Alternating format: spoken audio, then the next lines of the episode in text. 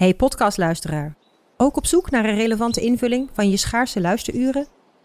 Tune dan in op de podcastserie ESG, even samengevat van BNP Paribas. Wij, Marloes en Aldert, spreken daar duurzame voorlopers en wereldverbeteraars. Waarover dan? Nou, bijvoorbeeld of we ooit duurzaam kunnen gaan vliegen. En waarom koeien in de stad nou een goed idee is?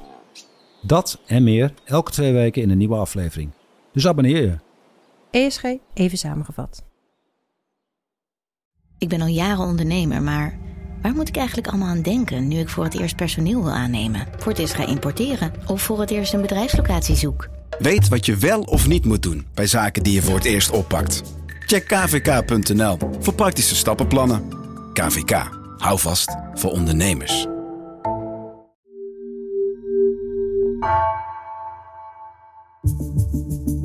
Vanaf de redactie van NRC het verhaal van vandaag.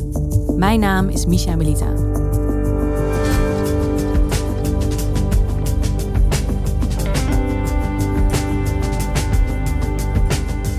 In Glasgow zijn wereldleiders bijeen voor de klimaattop. De belangrijkste sinds die van Parijs in 2015. In NRC vandaag daarom drie dagen aandacht voor het klimaat. Van Glasgow naar popliedjes en we eindigen in Irak. Vandaag in de studio klimaatredacteur Paul Luttekhuis over het belang van deze top, waar we misschien ook weer niet te veel van moeten verwachten.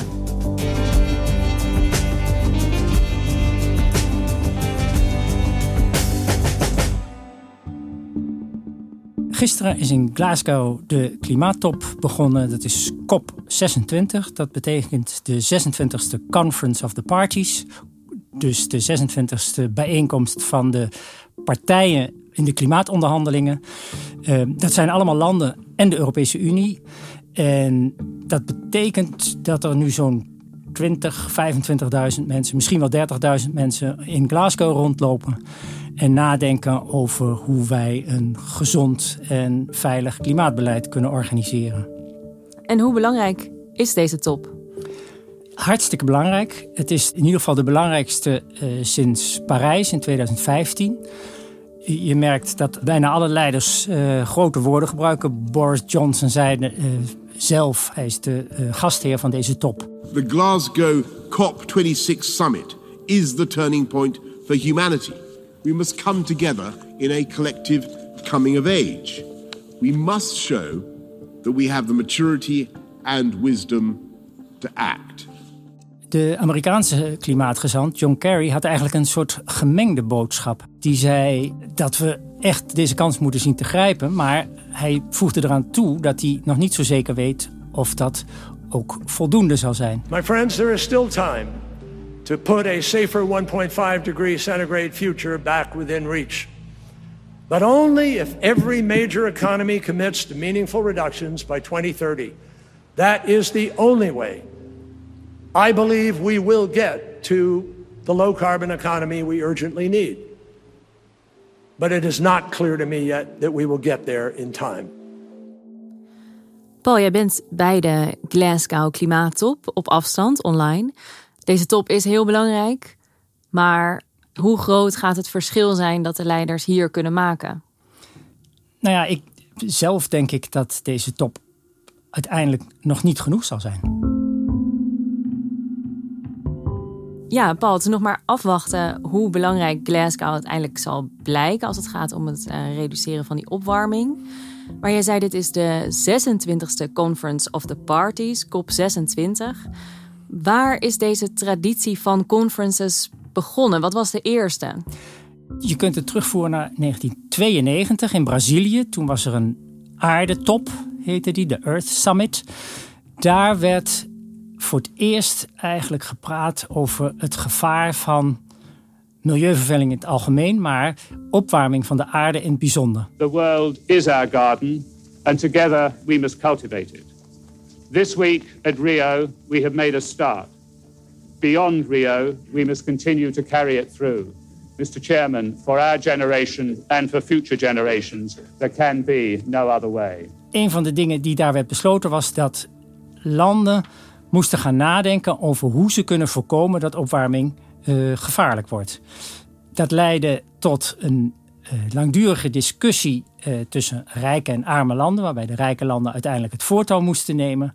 En in Kyoto in 1997 zijn daarover eh, afspraken gemaakt. En met bijvoorbeeld voor Europa de verplichting om 5% CO2 te reduceren. De VS gingen voor 8% reductie. Maar voordat het zover was, werd er enorm getraineerd in het zetten van een handtekening en dus een ratificatie van dat uh, Kyoto-protocol.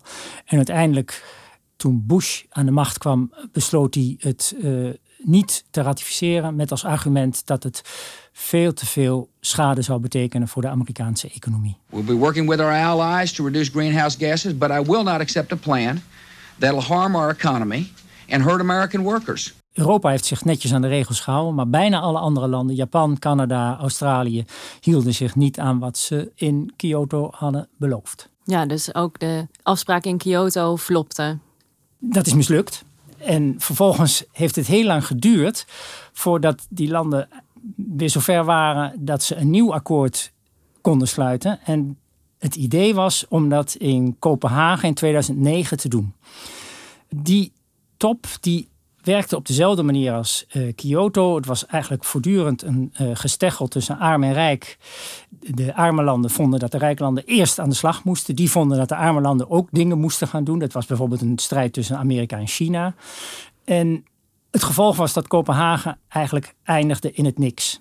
Geen afspraken. Daar werden geen afspraken gemaakt. Er werd één afspraak gemaakt. Dat was uiteindelijk best een belangrijke. Namelijk dat uh, rijke landen 100 miljard per jaar gaan betalen. om het klimaatbeleid in arme landen te helpen uh, ontwikkelen. Maar over reductiedoelen uh, waren ze het gewoon zo oneens. dat de top eigenlijk als mislukt te boek staat.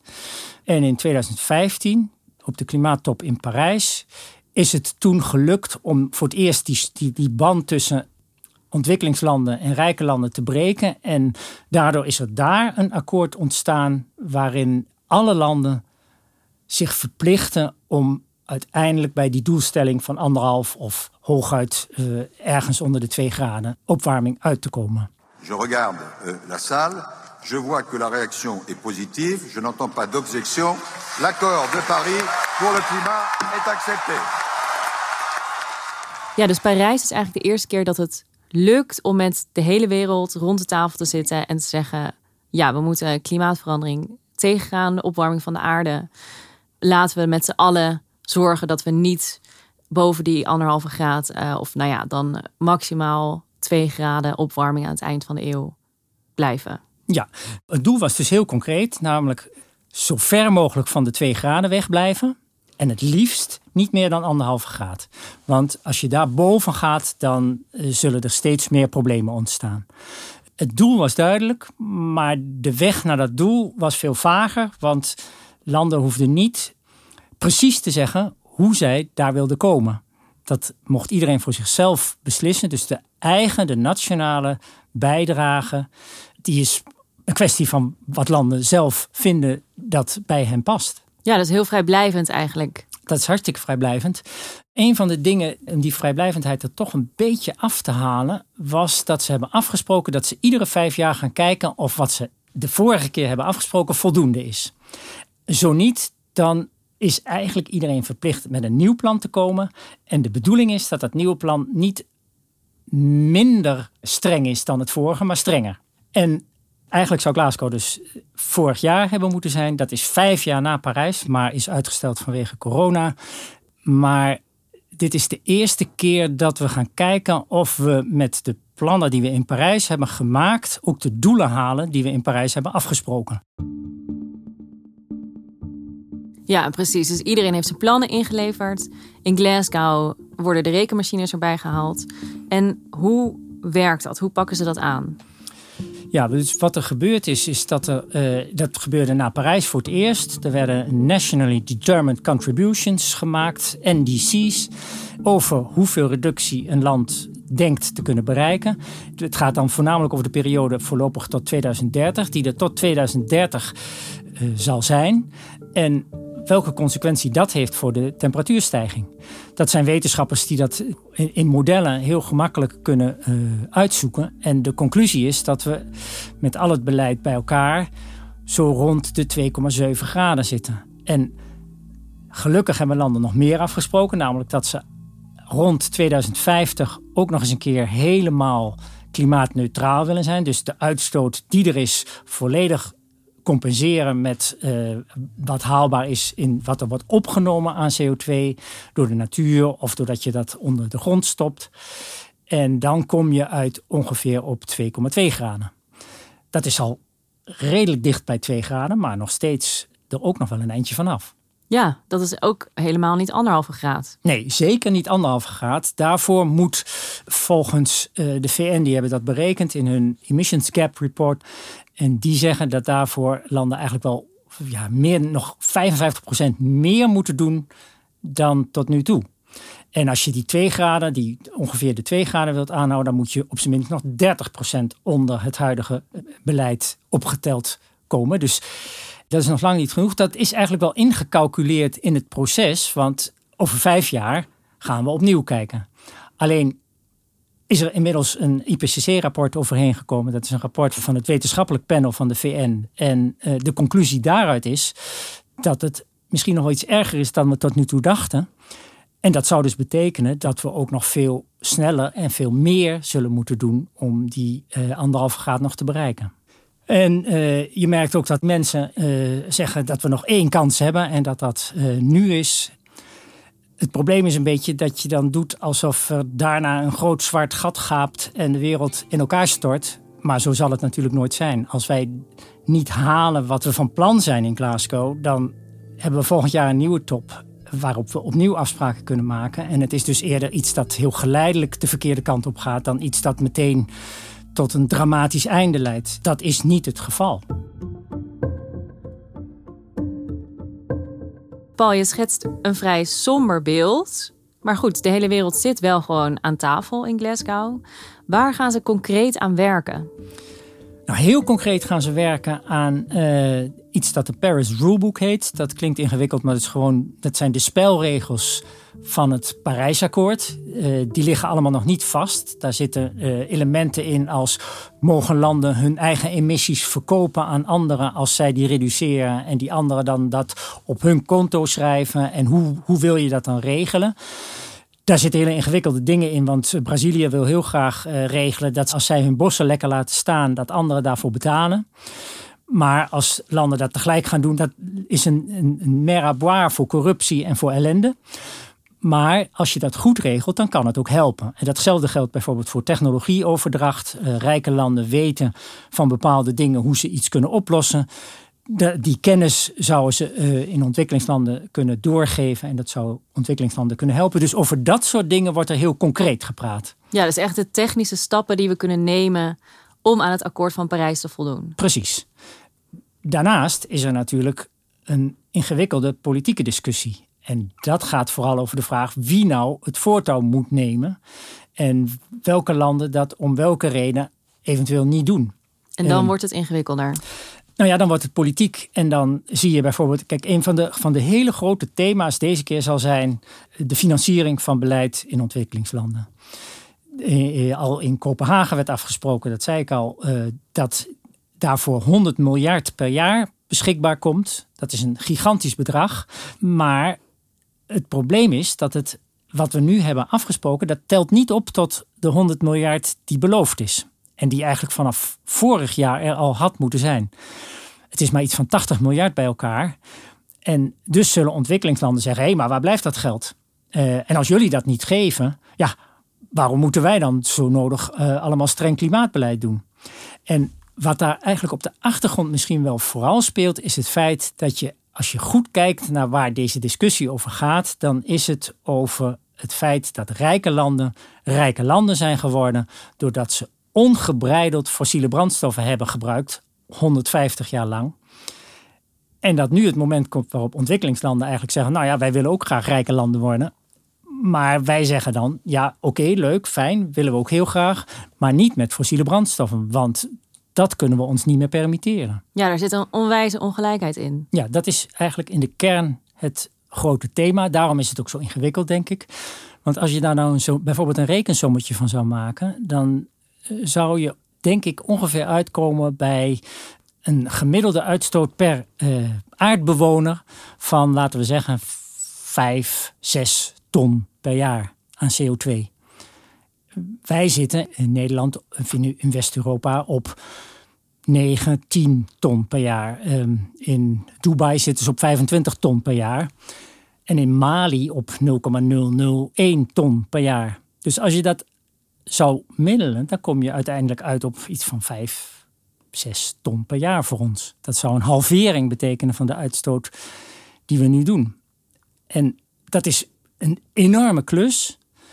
Maar ik denk dat er niemand in de wereld zal zijn die zegt dat andere landen niet dezelfde rechten hebben op eh, welvaart dan wij. Ja, dit is echt een, een fundamentele discussie onder het uh, wereldwijde klimaatbeleid. Ja.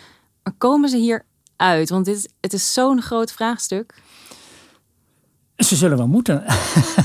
dus ja, ik, kijk, uiteindelijk is iedereen erbij gebaat dat we gevaarlijke klimaatverandering voorkomen. En ook, of misschien wel juist de ontwikkelingslanden, want dat is nog een tweede element waarom het zo politiek gevoelig ligt. Die ontwikkelingslanden die liggen in het gedeelte van de wereld dat veel harder getroffen wordt door de gevolgen van klimaatverandering dan de meeste rijke landen. En ze hebben bovendien niet het geld om zich daaraan aan te passen. Dus zij worden op alle mogelijke manieren het slachtoffer en zijn niet de dader.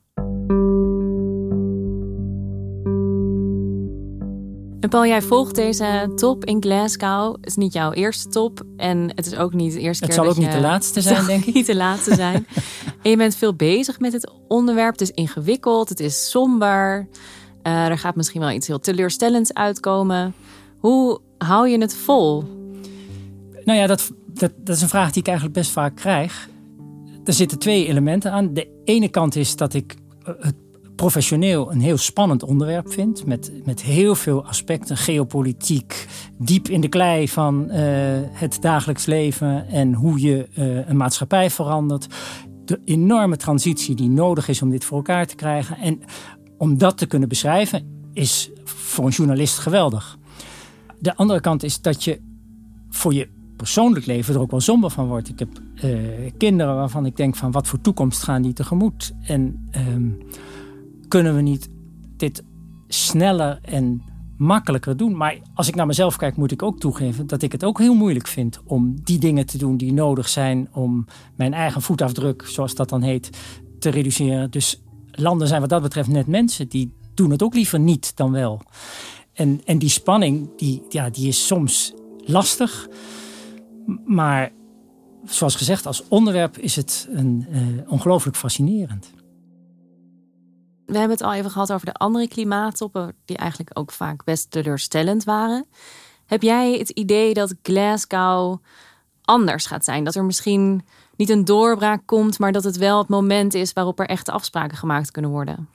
Nou, wat me opviel de afgelopen maanden is wel dat er toch met vrij veel succes momentum is gecreëerd om stappen te zetten. Dat je ziet dat veel landen, nou ja, of ze het allemaal waarmaken is dan de vraag, maar toch met plannen komen die veel verder gaan dan ze tot nu toe deden. En een, een voorbeeld daarvan is dat uh, zowel Japan als Korea hebben besloten dat ze rond 2050 netto nul CO2-uitstoot willen hebben. China heeft gezegd van wij hebben nog iets meer tijd nodig, maar rond 2060 zijn wij ook zover. Uh, nou ja, de Europese Unie had dat al veel eerder gezegd. De Amerikanen zeggen dat. Dus ook daarin zie je dat er wel op zijn minst de behoefte is om extra stappen te zetten. En dat landen dat ook wel doen. Al blijft het bij veel van die stappen, met name die op de langere termijn, dus die gaan over 2050, nog de vraag of ze dat ook gaan halen. Want dat is een termijn waar de huidige politici uh, voor het grootste deel weer verdwenen zijn. En dus ze geven het stokje graag door aan de volgende uh, om deze lastige opdracht te vervullen. Ja, dus de ambities zijn er, maar wat daarvan waar gemaakt kan worden en wat er overblijft op de lange termijn, dat ja, weten we gewoon niet. Nee, dat kun je nog niet zeggen. Maar het feit dat er toch zoveel beweging is, is wel hoopgevend. En als wij elkaar over twee weken weer tegenkomen hier op de redactie, wat is dan, denk jij, de conclusie van de klimaattop in Glasgow? Dat is een lastige vraag. Ik denk dat we uh, misschien technisch met al die technische regels en zo van een eindje zijn opgeschoten. Maar ik denk niet dat we moeten verwachten dat we aan het eind nog dichter komen bij dat einddoel dat we met elkaar hebben afgesproken. Dus die anderhalve graad, dan we nu aan het begin van de top zijn. Dus er is nog werk te doen. Er is nog heel veel werk te doen en dat eindigt dus niet over twee weken als Glasgow voorbij is. Dankjewel, Paul. Ja, graag gedaan.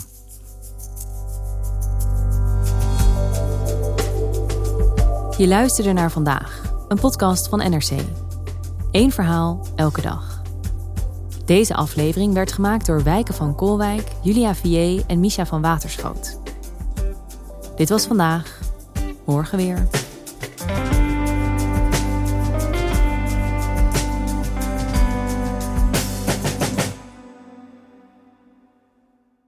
Technologie lijkt tegenwoordig het antwoord op iedere uitdaging. Bij PwC zien we dit anders.